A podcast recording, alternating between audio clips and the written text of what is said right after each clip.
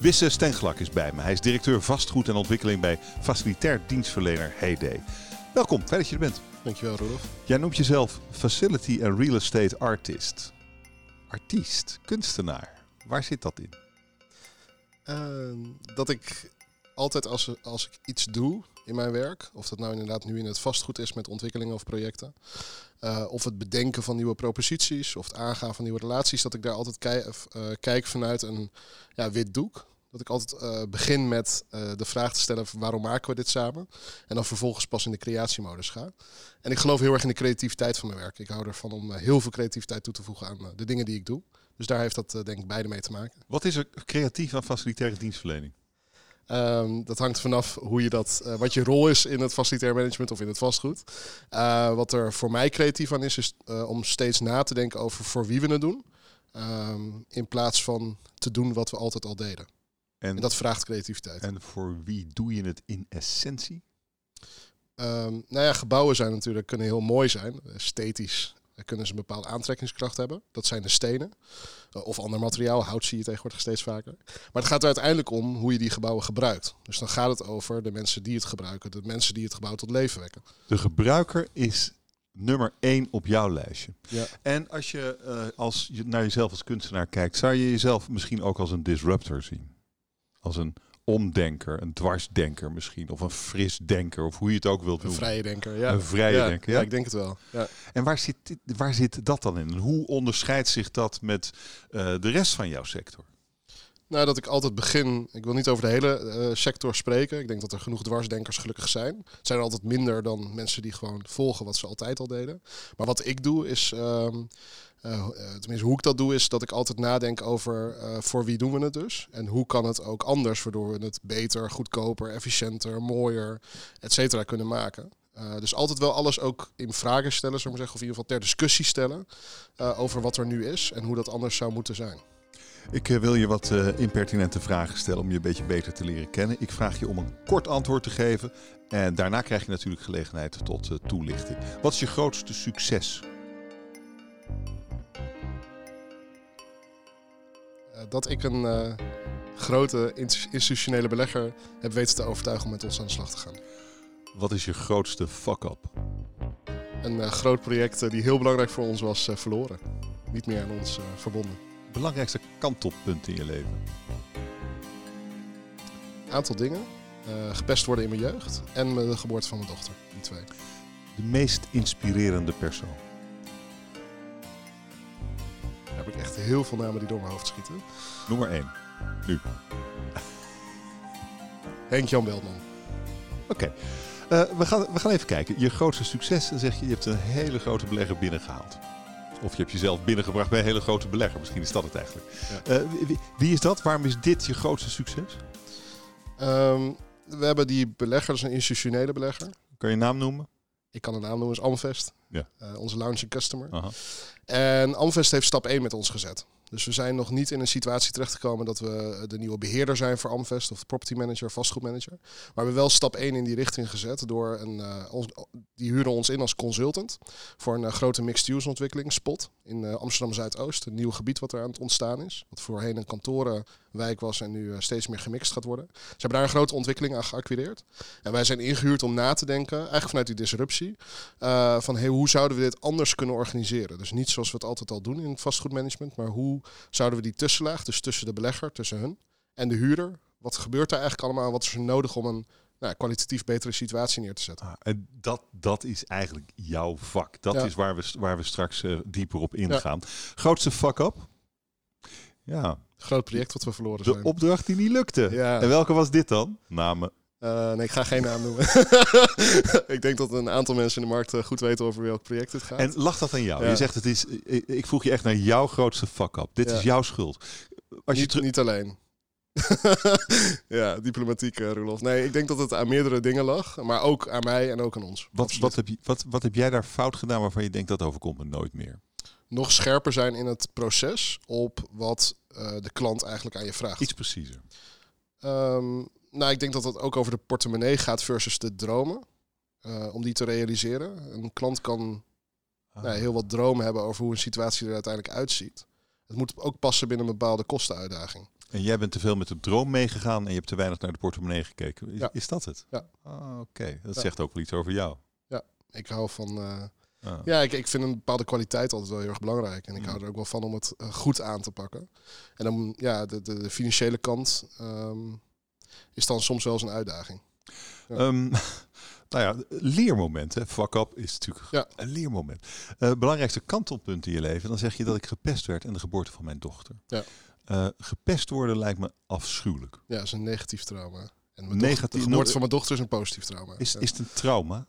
Uh, ja, maar ik ben er wel heel blij mee. Ik had het toevallig vanochtend nog met een goede vriendin erover dat ik um, dat het uiteindelijk een gebeurtenis is geweest die ik niet had willen missen. Hoe gek dat nu ook klinkt. Maar dat kun je pas zeggen als je er achteraf op terugkijkt. Hoe oud was je toen ongeveer? Uh, dat was de basisschool en een uh, groot deel van de middelbare school. Echt jaren achtereen. ja, ja. Ach.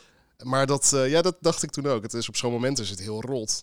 maar ik denk wel dat ik ben erachter gekomen, ook weer de afgelopen maanden eigenlijk, is me dat weer meer komen, is dat meer komen bovendrijven van wat vormt je nou als mens? Dat is ook de vraag die je stelt.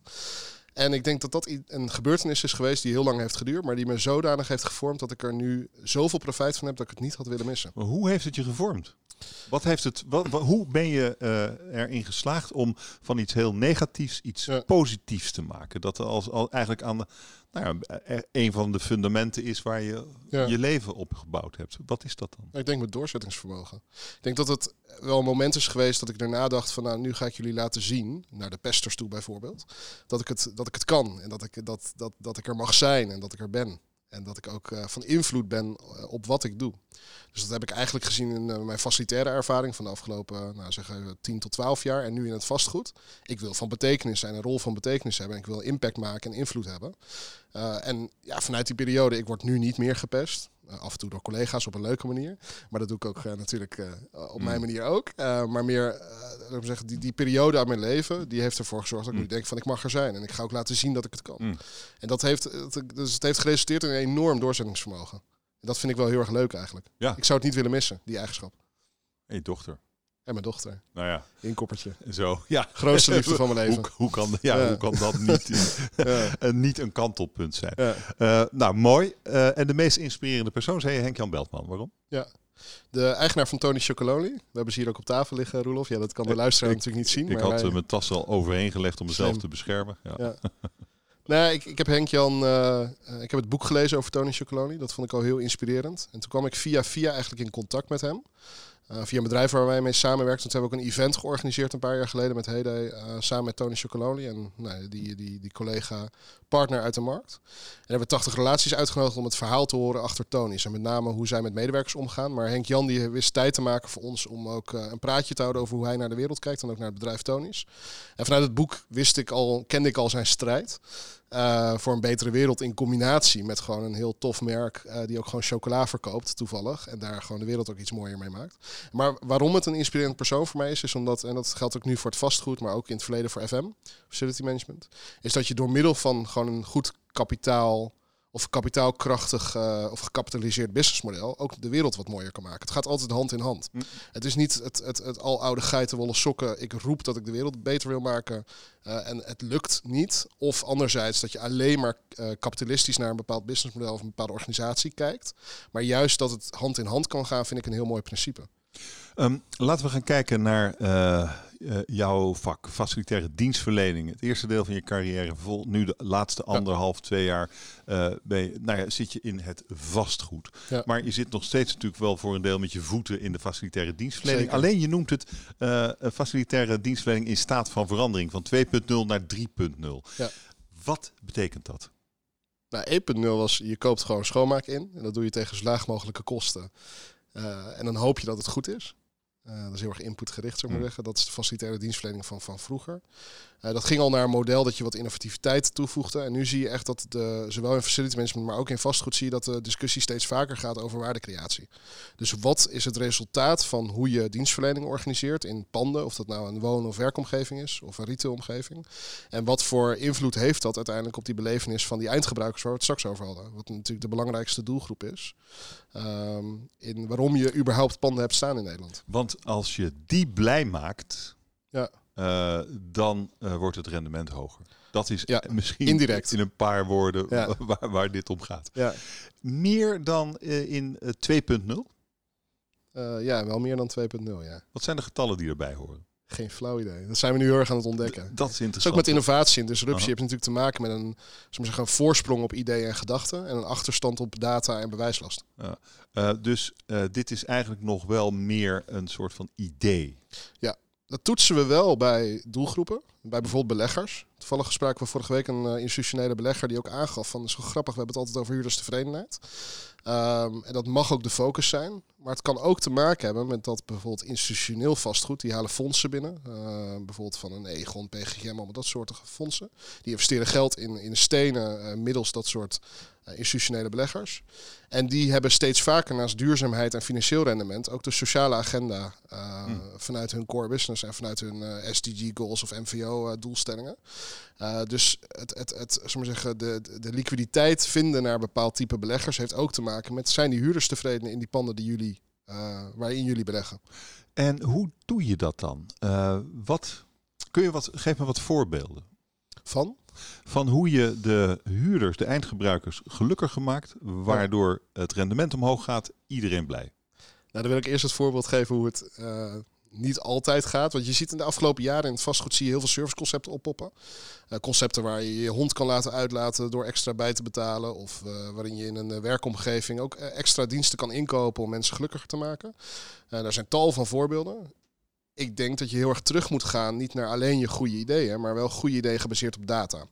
Dus wij kopen bijvoorbeeld consumentendata in. Als we weten dat bepaalde mensen bijvoorbeeld in een bepaald gebied uit een bepaalde postcode komen, dan kunnen wij op huishoudensniveau kunnen wij terug herleiden van wat voor merken die mensen kopen, waar ze, uh, hoe hun leven eruit ziet op een aantal onderwerpen. Dat is helemaal privacy-proof. Mm -hmm. Maar daardoor kunnen we veel beter inzoomen vanuit data van over wie hebben we het eigenlijk. Want we doen heel veel aannames, denk ik, als professionals over wie die mensen zijn. Uh, dus ik denk het belangrijkste is hoe, die, hoe je die mensen gelukkig krijgt, is door ze goed te kennen. En steeds dichter te komen bij het niveau van wie het ook echt zijn. Hoe goed ken je ze? Uh, nou, nooit goed genoeg. Het blijven altijd, uh, maar zeggen, de, het, we moeten ook vanuit privacywetgeving kunnen we niet tot de mensen zelf, tot individuen komen, maar we kunnen wel tot groepen komen en de behoeftes van die groepen. Oké, okay, um, maar hoe, hoe precies weet je dat van zo'n groep? Geef me wat voorbeelden hoe dat gaat op basis van data. Nou, je weet op basis van data bijvoorbeeld of ze Nespresso thuis hebben of Senseo. Dat kun je uh, vanuit data uh, bezien of dat ze een bezit hebben van een auto of een deelauto uh, gebruiken. Oh, maar is er nog iemand die Senseo heeft? Ja, er zijn nog heel veel mensen die Senseo hebben. Okay. Ik, ik ben koffiefreak, ik verbaas me er ook over. Maar, okay. het, ja. maar, Oké, maar dan weet je dat. En wat zegt het je dan over hoe je plezier ja. en geluk kunt toevoegen aan zo iemand als eindgebruiker van een pand? Ja, nou, vanuit die data kun je profielen schetsen. Wij werken daarin samen met Woos. Dat is een bedrijf die dit, nou, hier hun werk van hebben gemaakt. Dus wij werken daarin samen, omdat we niet maar zeggen, de ambitie hebben om dat zelf allemaal in te zamelen. Uh, daar heb je gewoon uh, goede bedrijven voor die dat doen.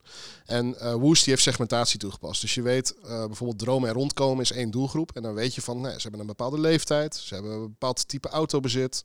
ze geloven in een duurzamere wereld of juist niet. Voegen daar zelf ook waarde aan toe. Er zijn een aantal kenmerken in dat soort groepen. persona's, persoonlijkheidsprofielen.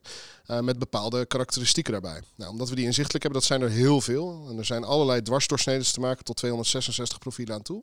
En als je zo'n profiel hebt, dan weet je ook van hey, het is aannemelijk te maken vanuit data dat ze bijvoorbeeld uh, in de plint, uh, de begane grond van een ontwikkeling, gebruik maken van een bepaald type horecaconcept. Okay, denken we dan aan een cocktailbar of denken we juist aan een low-profile koffiebar met een lokale ondernemer? Of gaan we een Starbucks qua ideeën programmeren? En dat, daar kun je wel vanuit data relatief dichtbij komen vanuit behoeftes. En ik denk dat dat ook wel de vraag is op je vraag eerder: van hoe maak je die mensen nou gelukkig? Is door relevante concepten te maken in plaats van leuke concepten. Leuk is één ding, hmm. maar het moet relevant zijn en passend bij de drijfveer en behoeftes van die mensen. Je maakt eigenlijk een soort programma voor, voor een. Je, je, je ontwikkelt een, uh, een project ja. met in je achterhoofd, nee, in je voorhoofd al de mensen die er gaan wonen. Ja. Of die er gaan werken, of wat dan ook. Ja, of die er gaan ondernemen. Ik denk dat dat ook wel iets is wat nu in de markt, wat je heel terug ziet, is dat...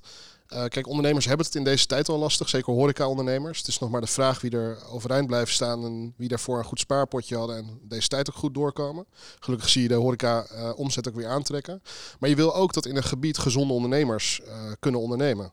Dus stel dat je heel veel concepten programmeert in een gebied die weinig relevantie hebben of weinig aansluiten bij de behoeften van die mensen die er gebruik van maken in dat gebied, heb je ook een grotere kans op faillissementen dat is ook niet goed voor een gebied. Je wil ook een soort levendigheid creëren. Dus het heeft naast die eindgebruikers die daar wonen of werken, dus in die kantoren zitten of in die, uh, in die woning en woning huren, uh, heb je ook te maken met ondernemers die een bepaalde. Het is echt een ecosysteem. Dus je hebt verschillende persona's eigenlijk in zo'n gebiedsontwikkeling die, waar je naar moet kijken. En hoe levert dat aan de eigenaar uh, of de belegger meer op?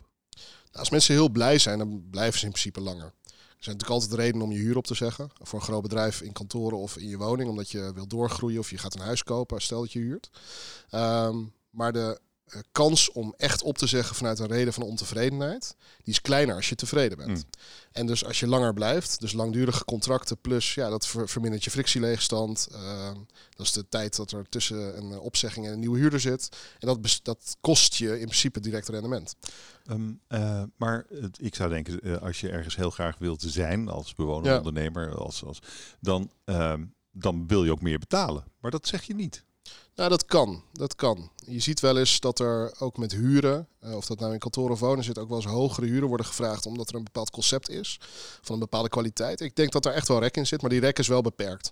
Je hebt ook met marktwerking te maken. Dus ja, je wil dat mensen bijvoorbeeld in dit geval uh, het project waar wij werken in Zuidoost gaan vestigen, uh, zowel qua kantoren als wonen. en liever niet naar West vertrekken, omdat daar ook een ontwikkeling is die heel tof is. Dus je wil ook, er zit ook wel een concurrentie. het gaat over meer dan alleen de huurderstevredenheid. Ja, en je bent natuurlijk inderdaad, je bent niet de enige die dit bedacht heeft. Nee, klopt. En hier ontstaat echt een nieuwe, Een nieuwe manier van werken in het vastgoed. Hè? Klopt. Dit, is, dit is niet morgen weer weg. Nee, dat hoop ik niet. um, het betekent natuurlijk wel dat die ja, een vierkante meterprijs is een vierkante meterprijs. Ja. En daar, ik begrijp dat je, je kunt er eigenlijk maar weinig waarde aan toevoegen. Ja. Dat, dat is het eigenlijk. Nou, je terwijl dat niet, misschien nog wel de, de mooie volgende stap zou kunnen zijn. Nou, als je de voorkant uh, weinig waarde toevoegt in de huurprijzen, uh, zou je natuurlijk in de achterkant in de keten waarde kunnen toevoegen. Ik denk dat dat is ook iets wat heel erg kenmerkend is voor ons uh, model, hoe wij naar de wereld kijken. Is dat je natuurlijk in de inkoopketen kun je slimmere, betere, leukere afspraken maken om dingen te stimuleren. Voorbeelden alsjeblieft. Um, nou, dat zie je bijvoorbeeld bij ons zusje Zizo dan. Volgens mij heb je die ook uh, een tijdje geleden geïnterviewd. Dat is ook onderdeel van de ADG-dienstengroep, net zoals Heden. Michiel Pot. Ja, daar zie je dat ze, ja, met Michiel Pot inderdaad, een uh, collega van mij, ik noem het altijd mijn grote broer. We zijn toch een familiebedrijf. Uh, maar je ziet dat zij in de keten, door middel van de introductie van technologie, meer waarde toevoegen. Omdat de huurders daar blijer van worden. Ze gebruiken eigenlijk de nieuwste technologie, maar ook customer journeys in die technologie. Ja, het is eigenlijk wat, wat, ja. wat zij, misschien moeten we even uitleggen wat, ja, wat, wat, wat, zij precies doen. Ze hebben eigenlijk een soort uh, ja, het is eigenlijk een soort app. Je bent huurder, je hebt onderhoud nodig, je kraan druppelt vervelend. Je maakt een foto van je kraan, je stuurt hem op. Vakman kijkt, hey, druppelende kraan, dit type kan ik zo op, oplossen met dit dingetje. maakt een afspraak, laat de huurder niet wachten. Nou, het is vrij briljant. Nou, luister die podcast even, je vindt hem op VG Visie. Maar dit is het ongeveer. En uh, dat is natuurlijk ook de toekomst. Ja, en omdat wij nog een aantal andere dingen doen naast wat zij doen, of ondervangen met CISO dan. Dat is namelijk de operationele kant van technisch onderhoud binnen het vastgoedmanagement. Uh, andere activiteiten. Er zijn nog veel meer activiteiten binnen vastgoedmanagement. En die pakken wij op. Uh, en deels kunnen we, kijken wij altijd van hey, wat kunnen we disrupten met technologie? Maar wel uh, hospitable technologie. Mensen zeggen altijd uh, hospitality, dat zijn mensen die je een warm gevoel geven. Hospitality is tegenwoordig ook op technologie die je een warm gevoel geeft. Of in ieder geval die ervoor zorgt dat je snel tot je resultaat komt als consument. Um, want zo zien wij die mensen ook niet als huurder, maar ook als consument. Hm. En de, wij proberen op heel veel processen in het vastgoedmanagement technologie eerst af te wegen. Zijn er goede alternatieven? Uh, zodat onze mensen zich bezig kunnen houden met vastgoedmanagement op een niveau waar je ook zin hebt om naar je werk te gaan. En dat, het, dat je niet alleen maar gezeur hebt, maar dat het, het gezeur uh, positief is omgebogen via technologie uh, en bepaalde platforms naar een beter mm. resultaat. En daarboven juist dat je je bezig kan houden met, met de meer strategische kant van de assets. En daar is, uh, daar zie je zo dan natuurlijk een mooi voorbeeld van. Maar ja. wat zijn er nog meer? Wat zou je nog meer kunnen bedenken op dat vlak? gerelateerd daaraan. Misschien een stap verder. In dat, nou, dat hospitality uh, idee wat je net noemde. Maak dat eens concreet. Nou, ik denk de kracht van hospitality. Die, uh, we hadden vorige week een groot vastgoed-event. Het eerste vastgoed-event weer in de, in de Amsterdam Arena, of de Johan Cruijff Arena. Daar werd het ook op het podium al geroepen door een aantal grote ontwikkelaars. Dus uh, bestuurders van een aantal grote ontwikkelaars en beleggers. Dat die hospitality, die intreden in het vastgoedvak, dat dat echt eentje is die we in de gaten houden. En dat die ook steeds groter wordt. En dat heeft naast huurderstevredenheid nog meer voor mij te maken met hoe we met elkaar omgaan in het vastgoed. Maar hoe doe je dat dan? Gewoon praktisch? Uh, bijvoorbeeld bepaalde samenwerkingsafspraken. Het is heel normaal vanuit de, de oude dynamiek in de markt, zo noem ik hem al, dat je uh, eigenlijk best wel in een inkooprelatie zit met je vastgoedmanager als belegger zijnde, of met je ontwikkelaar of met een andere ketenpartner. Dat zijn nog best wel nou ja, klassieke vormen van samenwerken. Ik denk dat de grootste innovatie in het vastgoed gaat hem niet zitten in per se technologieën, waar ik nu heel veel voorbeelden van kan noemen, of bepaalde concepten die heel tof zijn, waar heel veel nou, huurders op afkomen en heel gelukkig van worden. De grootste innovatie zit hem met name in de keten qua samenwerking. Maar hoe, wat, wat vind jij dan een klassieke samenwerking waar we eigenlijk vanaf zouden moeten? Um, nou, dat je het echt ziet als puur inkoop, verkoop. En dat je dus heel erg op de, op de kosten zit en niet op de kwaliteit. Wij geloven heel sterk in ons model dat je als je investeert in de kwaliteit, en soms is dat aan de voorkant iets meer, dat je kosten uiteindelijk dan ook dalen. En het omgekeerde is ook waar. Dat als je heel erg gefocust op je kosten, daalt je kwaliteit. Want als jij goedkoop inkoopt voor je gevoel, dan zal die partij nooit harder voor je rennen. Want die weet ook heus wel dat hij minder geld aan je verdient dan ah. gezond is. Laten, ik, ik, laten we dit een beetje uitwerken. Want hoe, hoe kunnen we hier nou, hoe kunnen we dit nou inzichten? Gaat het iets met glazen wassen of zo? Bijvoorbeeld. Waar, Wat zou jij een goed voorbeeld geven nou, om, om, dit, om dit dit, dit, is, dit, dit is een beetje uit te lopen? Want dit is wel, dit is wel de nou, ik vind, ik vind de, de, de, de, de, het ja, het eh, KCC of callcenter gedeelte in het vastgoedmanagement. Dus waar alle storingen binnenkomen. Uh, want die zul je altijd, je zult altijd nog telefoontjes en WhatsAppjes hebben en dergelijke. Uh, en mailtjes als vastgoedmanager. nou, hopelijk wordt het steeds meer, of het wordt steeds meer ondervangen met bijvoorbeeld platforms zoals CISO dan. Die het heel makkelijk regelen. Waardoor je eigenlijk helemaal geen telefoontje meer hoeft te doen. Maar ook zij hebben een callcenter. Omdat je weet dat ook bij Coolblue, hoe goed je het ook organiseert online. En hoe hospitable die technologie is en hoeveel chatbots er ook achter zitten. Je zult altijd mensen toevoegen in processen om de uiterste of de, de, de uitzonderingen eigenlijk uh, te organiseren. Um, dus daar zie ik wel een, een, een, goed, een goed voorbeeld waar je dat op zou los kunnen laten. Ja. Uh, en dan zit ik me toch nog af te vragen, hoe verdien jij of nou, jouw bedrijf daar dan geld mee? Uh, door bijvoorbeeld dat soort diensten te organiseren voor of dat nou beheerders zijn of beleggers. Um, en dat uh, ik ga je niet mee. Ik ga geen offerte nu voor je uh, pitchen. Maar nou, nee, waar, waar wij, hoe wij het geld daarmee verdienen is eigenlijk heel simpel. Als wij op langere termijn laten zien dat wij meer kwaliteit leveren tegen gelijkblijvende kosten of zelfs iets minder, ja. uh, dan denk ik dat partijen uiteindelijk ons eerder voor ons kiezen dan het alternatief. Ja, hier zit een aanname in, namelijk dat kwaliteit belangrijk is. Ja. ja. Dat is nog niet overal zo, vermoed ik. Dat is ook wel de. Dat is misschien wel jouw grootste uitdaging. Ja, dat is misschien wel onze uitdaging. Dat is ook waarom ik het voorbeeld van Amvest net noemde. Als een stap 1 die we met elkaar zetten. Omdat Amvest heeft laten zien als belegger. Uh, dat ze die stap 1 ook daadwerkelijk durven te zetten. Um, een stap in de goede richting. Door bijvoorbeeld inderdaad te investeren in een partij die ze helpt. In dit geval wij. Uh, om uh, ze om na te denken over hoe de toekomst van vastgoed eruit ziet. En hoe die keten georganiseerd is en wat we daarin kunnen hmm. uh, doen om, het, om de kwaliteit uh, op te hogen. En de kosten gelijk te houden, of nou ja, een klein beetje meer of een klein beetje minder. Maar in ieder geval niet te veel afwijkend van de benchmark. En dat lukt tot nu toe. Fijn dat je luistert naar deze podcast van VG Visie over de mensen achter het vastgoed. Wisse Stenglak is mijn gast en zo meteen praten we over de toekomst. Praten we verder over de toekomst van vastgoedmanagement, zijn vak. Uh, maar eerst even iets anders, uh, Wisse. Ik ben benieuwd welke mensen jouw vak hebben gemaakt tot wat het is. Uh, noem er twee vanuit een positief idee en noem er één van wie je zegt die had beter iets anders kunnen gaan doen. Wauw. uh, laten we bij de positieve beginnen. Uh, het negatieve weet ik nog niet of ik op terugkom. Je kent me inmiddels een beetje, Roelof. Uh, diplomatiek als altijd. um, in het vak. Ja, ik, ik, ben heel erg geneigd om eerst namen te noemen die juist buiten het vak komen. Nou, maar die heb ik net al genoemd met Henk-Jan Meelman bijvoorbeeld. Oké. In het vak heb ik ook wel namen. Nou, noem maar één. Cor van Zadelhof. Cor van Zadelhof. Noem er nog één. Loes Driessen. en dan iemand van wie je denkt, die had echt beter iets anders kunnen gaan doen. Een hele lange stilte. Echt geen flauw idee. Wie beter buiten het vak had kunnen blijven. Nou, wat is een, misschien, ik snap wel eigenlijk, het is vervelend om namen te noemen als een nee, ik snap het wel. Maar er zijn natuurlijk ook dingen gebeurd die gewoon niet goed zijn. Het is niet goed dat we in een soort van race to the bottom zijn terechtgekomen natuurlijk in de tijd die achter ons ligt. Jij brengt daar verandering in aan. Maar dat was er natuurlijk wel. Alles moet goedkoper, goedkoper, goedkoper. Uh, daar, hebben, daar zijn mensen natuurlijk ook gewoon instrumenteel in geweest. Vind je dat misschien de grootste negatieve... Ja, dat denk ik wel. Wat ik dan wil benoemen is niet echt een persoon met naam en toenaam. Maar wat ik wel zie is dat ik, hmm. wat ik toch hoop is dat we de komende jaren onze menselijkheid in vastgoed. Mm. Ik bedoel, dit heet ook mensen achter de stenen. Mm. Dus als je dan in het begin zegt deze podcast, ik hoop dat we de mensen achter de stenen weer met elkaar kunnen verbinden. Dus van hé, hey, wie zijn wij nou? Waar worden we nou gelukkig van? Hoe kunnen we de wereld wat mooier maken? En ondertussen kunnen we gewoon heel veel geld verdienen met stenen. Dat vind ik allemaal prima.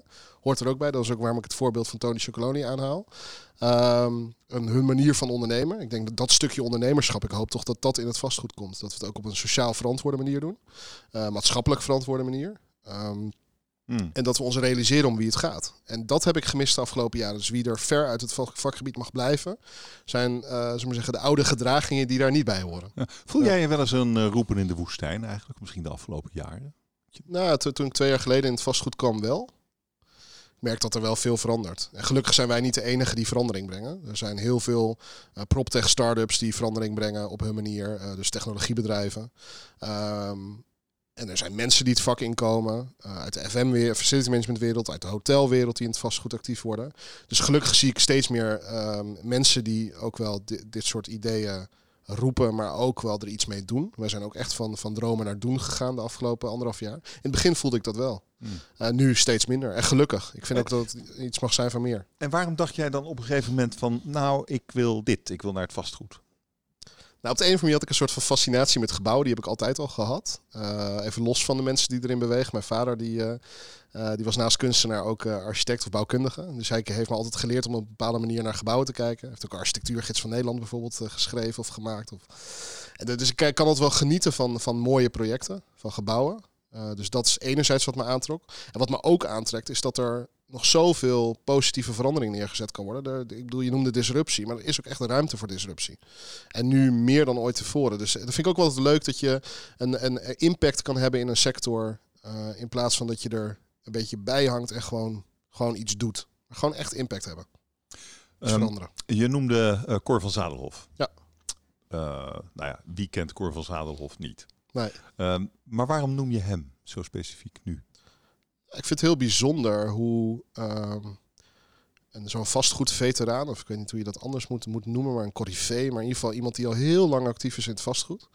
In uh, verschillende businessmodellen heeft gezeten. Altijd heeft heel veel ondernemerschap heeft getoond.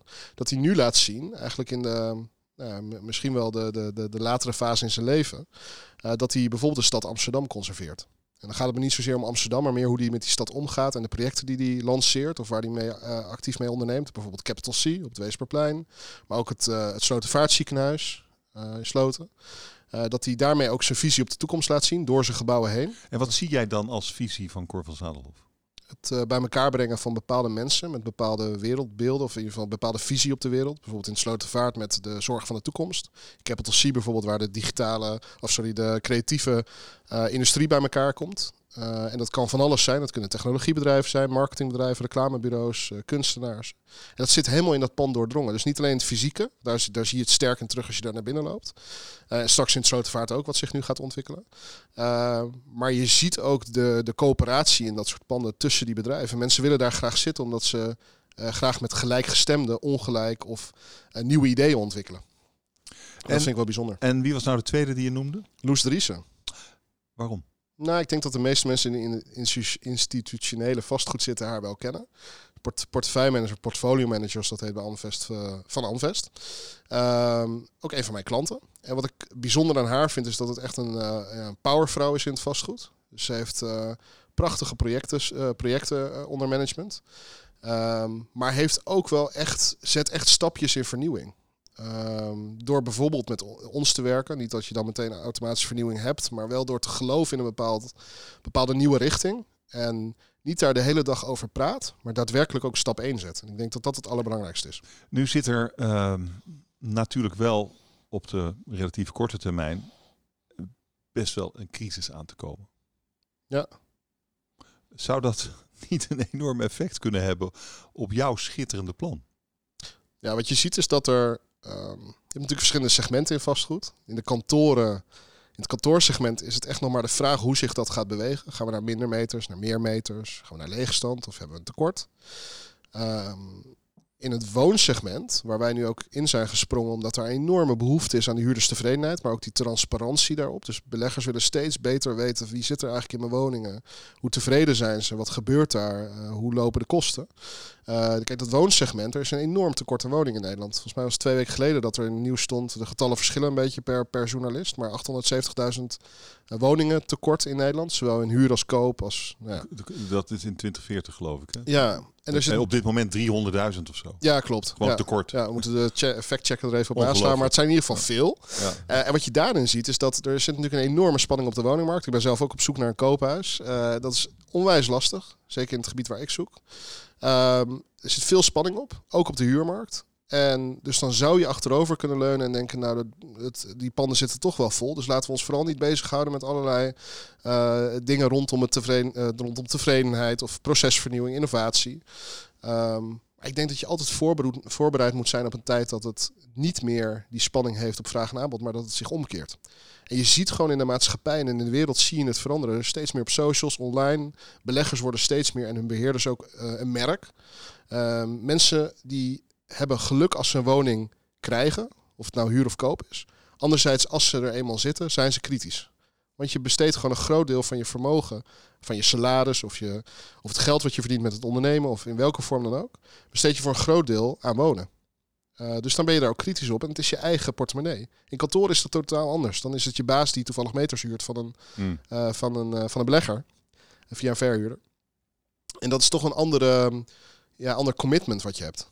En in wonen zie je dat sentiment is er gewoon. Dat, dat, dat je het ook belangrijk vindt dat het dan goed geregeld is. Oké. Okay. Um, nou ja, en het is natuurlijk ook de, uh, wat je eerder zei, als je tegen ongeveer dezelfde kosten meer kwaliteit kunt toevoegen. Ja. Nou ja, dat is een no-brainer zou je zeggen. Ja, plus het andere uiterste is ook van stel dat er hele slechte kwaliteit geleverd wordt door een beheerder of door een belegger of door puur het stukje uh, vastgoed zelf, dus dat het er slecht bij staat dan zal je zien dat, dat, dat daar echt wel een, een leegloop op gaat, gaat komen. En ik denk dat dat ook wel belangrijk is, is dat je, je doet het niet alleen voor de positieve uiterste, maar juist ook voor de andere kant. En hoe gaat corona jouw business beïnvloeden? Corona en dan in de zin van, we hebben het thuiswerken ontdekt, het tele, teleconferencing ja. hebben we ontdekt. Uh, er blijkt veel meer mogelijk dan we dachten voor corona. Als dat blijvend is, wat is dan daarvan het effect op jouw business? Nou, wat ik wel een interessante marktkans vind, maar dat is meer mijn dwarsdenkendheid, is waarom gaan we ons niet bezighouden met goede thuiswerkplekken? Ik denk dat ik zie een aantal initiatieven al oppoppen. Het is wel grappig dat we in de werkomgeving binnen het gehuurde van een kantoor hebben we allemaal regels ten aanzien van Arbo is heel simpel, die moet je gewoon volgen, is wet en regelgeving. Uh, en dan moet je zorgen dat je medewerkers gezond kunnen werken. En dat was vroeger Arbo, nu is het veel meer. Weet je, je hebt ook yoga en fitness op de werkplek, allerlei dat soort diensten. Om je medewerkers maar gezond te houden, omdat het je human capital is. Het is een groot deel van je kosten, mm. uh, maar ook een groot deel van je opbrengst als dat uh, goed werkt. als ze productief zijn en gelukkig. En wat je ziet is dat als dat voor een deel zich naar thuis verplaatst, ik denk dat er een soort van, nou, het zal niet helemaal thuis of helemaal op de zaak of op kantoor, maar het zal ergens in het midden liggen. En het hangt ook nog per beroep ervan af. Uh, per, per, activiteiten die je uitvoert. Uh, of uh, zelfs binnen een beroepsgroep. En ik vind het wel interessant om te kijken van hoe kunnen we ervoor zorgen dat die thuiswerkplekken gezonder worden. Hoe kan dat? nou, bijvoorbeeld door, door daar als werkgever in te faciliteren. Ik bedoel, nu is het zo dat Yoga je... thuis.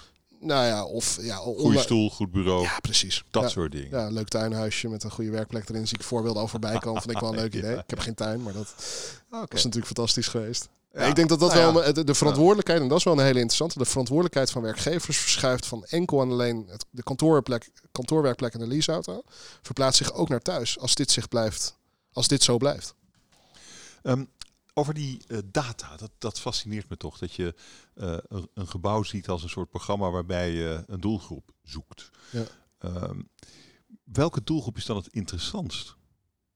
Nou, ik vind het wel leuk, want um, Um, om dan ook naar doelgroepen te kijken die het even lastig hebben. Bijvoorbeeld op de woningmarkt zie je dat jongeren en ouderen het vrij lastig hebben. Er komen slecht aan betaalbare woonruimte, vooral jongeren. Mm -hmm. Dat is een enorm probleem. Uh, we zijn ook uh, in samenwerking met een project die een deel van dit probleem oplost. Natuurlijk een heel klein stukje, maar ze nemen in ieder geval stap 1. Um, ehm, dan vind ik het wel leuk om je op dat soort doelgroepen te richten.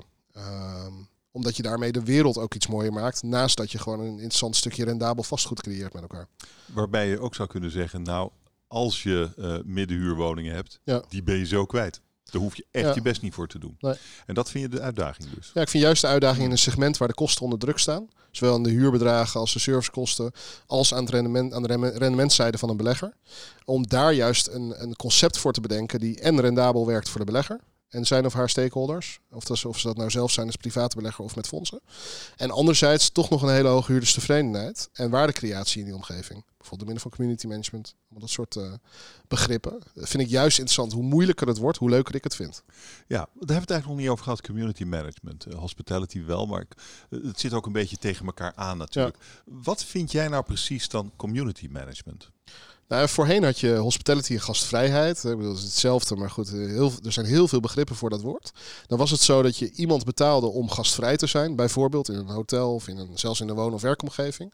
En het grappige is, is dat je ziet dat de wereld democratiseert. Ehm, dus dat uh, mensen en de zelfredzaamheid stijgt van heel veel mensen door bijvoorbeeld technologie. Dus community management is voor mij, dat is ook verschillend aan wie het vraagt, wat voor antwoord je krijgt. Voor mij is community management dat uh, de zelfredzaamheid van groepen mensen vergroot wordt. Onder groepen mensen die bijvoorbeeld gelijkgestemd zijn, maar wel met elkaar meer waarde willen creëren, ideeën willen delen en daaruit betere ideeën willen laten voortbestaan. En hoe maak je dat? Uh, dat kan online en offline. Uh, dus online met technologie, met apps, met uh, appjes die mensen met elkaar verbinden op basis van uh, nou, relevantie.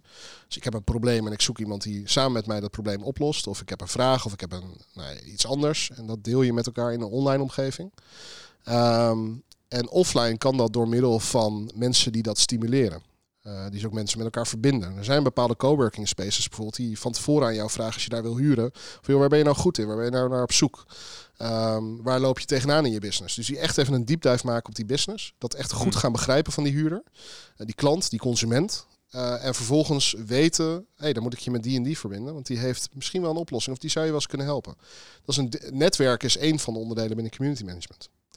Uh, maar ook het delen van kennis door middel van events of pitches. Of um, informele bijeenkomsten organiseren met elkaar. Het community management is heel divers daarin. En dat zie jij ook als onderdeel van wat jij doet? Ja, dat is een heel belangrijk onderdeel mm. van ook ons concept. Ja. Um, hoe, kan, hoe kan je daar als, als belegger, als eigenaar nog meer waarde aan ont ontlenen? Ik, kan, ik zou me kunnen voorstellen eigenlijk dat je uh, als je meer buiten je woning hebt aan aanbod van sociale dingen, van werkdingen, dan kan eigenlijk je, je privéruimte kleiner zijn. Ja. Uh, dat is wel heel interessant hoor, Roelof. Denk je, je niet? Zegt. Ja, ik vind hem spannend. Want je ziet wel eens, eh, ze noemen dat ook wel eens co-living concept of ja, co-working concept. Maar co-living vind ik een heel interessant. Ik heb het antwoord niet, dat zeg ik eerlijk. Maar ik stel heel vaak de vraag de laatste tijd van is co-living, zodat je kleinere eigen ruimte hebt en met gedeelde faciliteiten. Is dat nou iets wat wij hebben bedacht als professionals in het vastgoed uh, qua aanbod of qua concept om ehm, toch nog iets van de grond te krijgen binnen de kaders die we hebben? Of is het aanbod of is het, dus is het aanbod gestuurd of is het vraag gestuurd? Is er daadwerkelijk door, ooit door iemand een behoefte geuit? Uh, ik wil graag minder eigen ruimte en ik wil graag meer faciliteiten delen. En ik kan me zo voorstellen dat het heel erg aanbod gestuurd is. Waarom denk je dat? Omdat als ik naar heel veel doelgroepen kijk die ik spreek in de projecten, natuurlijk wil je in Amsterdam graag een plekje bemachtigen als jongere. En dan neem je genoegen met een bepaald concept. Maar in basis wil je toch je eigen hmm. private domein, je huis, je thuis is zo belangrijk. Uh, en er gaat veel geld in zitten. Uh, plus, privacy is juist ook belangrijk om in deze online dynamische wereld af te schakelen. En het delen van bepaalde faciliteiten kan heel erg belangrijk zijn, ook in het kader van duurzaamheid. Uh, dus dat je minder CO2-footprint met elkaar bewerkstelligt, omdat je het deelt hmm. met elkaar. Bijvoorbeeld richting mobiliteit, maar echt je eigen woonruimte is ook gewoon heel belangrijk goed, kan ik me voorstellen, van heel veel mensen. En misschien moeten we ons realiseren dat dit, dit antwoord geef ik. Dus dat betekent dat ik het misschien niet zo heel graag zou willen.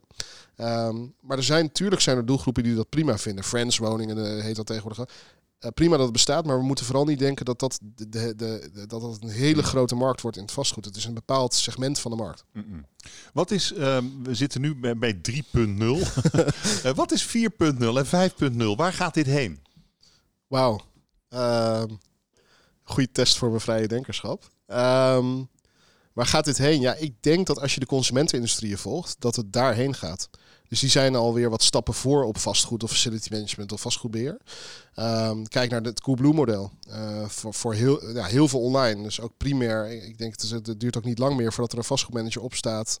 Uh, of van buiten het vak of van binnen het vak. Uh, die een digitale propositie heeft. En toevallig werken er een aantal mensen die bezig zijn om die digitale wereld steeds beter te maken. Maar dus die niet, meer primair in het oude businessmodel zitten. Dus ik denk dat dat dan zo meer 3.0. Uh, nog geen 4.0, 5.0, 10.0. Uh, waar gaat het heen is dat bijvoorbeeld wat ik hele interessante projecten vind. Ehm, en in Nederland hebben we er ook eentje. Is dat je bijvoorbeeld gratis kan wonen of bijna gratis kan wonen op basis van de data die jij vrijgeeft. Vrij eng vaak als je dit zegt. Mensen denken toch van mijn data is me heilig. En dan zeg ik altijd van joh, volgens mij heb je ook een smartphone in je zak. Volgens mij weten Google en Amazon en Coolblue en al dat soort bedrijven genoeg van jou en over jou. Gratis en dan wonen? krijg je er iets voor terug. Dan krijg je er tenminste iets eh, waarde voor terug. Oké, uh, wat moet ik jou geven om gratis te wonen? Nou, dan zou ik wel willen weten welke, uh, wat er in je koelkast zit. Um, zodat ik mijn boodschappenlijstjes die ik dan weer verkoop aan jou als consument uh, kan, kan, uh, voor jou heel goed kan klaarzetten. Zodat ik weet wat jij graag wil of waar je eens behoefte aan hebt. Um, ik zou willen weten wat voor auto je rijdt, uh, wat die auto allemaal doet, waar die komt, et cetera. Um, en ik wil het wel allemaal AVG-proof doen. Dus dat vind ik wel heel belangrijk om te zeggen. Dus allemaal anoniem. Um, maar het is wel hele interessante informatie om bijvoorbeeld servicemodellen op los te laten. En je moet het ook niet eng willen maken, zolang het maar uh, meer tevredenheid bij jou veroorzaakt als huurder. Uh, vind ik het legitiem. En zolang jij er ja op zegt. Ik bedoel, er zit wel een soort van wisselwerking. Het is wel een soort contract wat we met elkaar hebben. Uh, maar het is een interessant experiment. Ik durf hem op zich nog niet nu morgen aan uh, bij een locatie. Maar het is wel interessant om te leren van dat soort projecten in de wereld. Er zitten wel een paar ethische vragen aan. Zeker. Die ik zou kunnen bedenken Zeker. in een tijd van, uh, van schaarste, duur. en dan mensen die het eigenlijk niet kunnen betalen, beroven van hun data als ik er negatief naar kijk. Ja, nee, maar zo kijk ik er ook naar hoor. Ja, dat, ja, zijn de vragen die ik mezelf ook stel. Oké, okay, maar dat maakt jouw vak natuurlijk wel boeiend. Het is interessant ik om die randjes op te zoeken. We hoeven het niet Mm. te doen, maar de, we kunnen ervan leren en delen daarvan in projecten loslaten. Mm.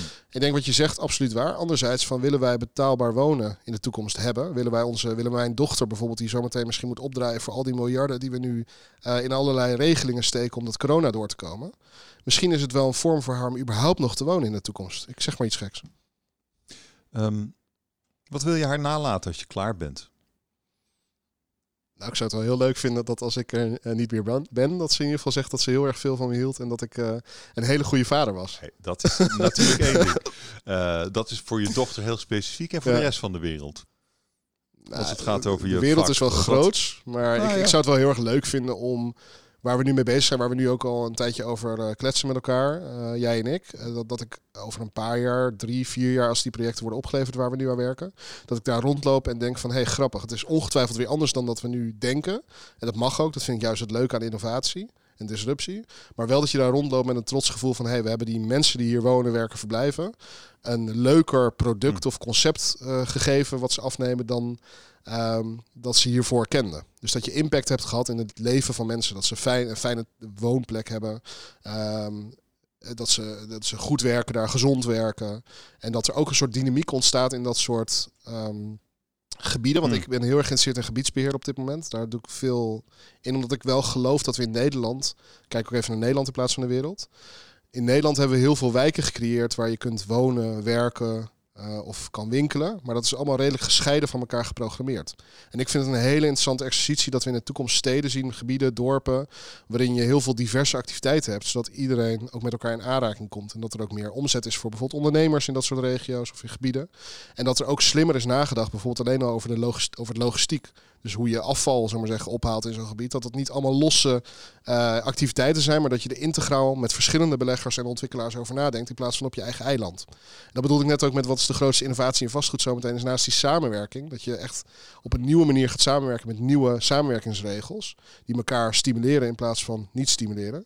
Dus dat je ook gaat kijken naar hoe je tussen verschillende concurrenten uh, gaat samenwerken. Ik weet bijvoorbeeld dat Albert Heijn en Jumbo, die werken samen in de logistiek. Terwijl het de grootste concurrenten van elkaar zijn. En dat vind ik interessant in het vastgoed. Wat gaan we daarvan leren? Durven we buiten onze eigen silo te gaan? Er zijn geen grenzen. Nee, er zijn geen grenzen. ik wens je toe dat het lukt.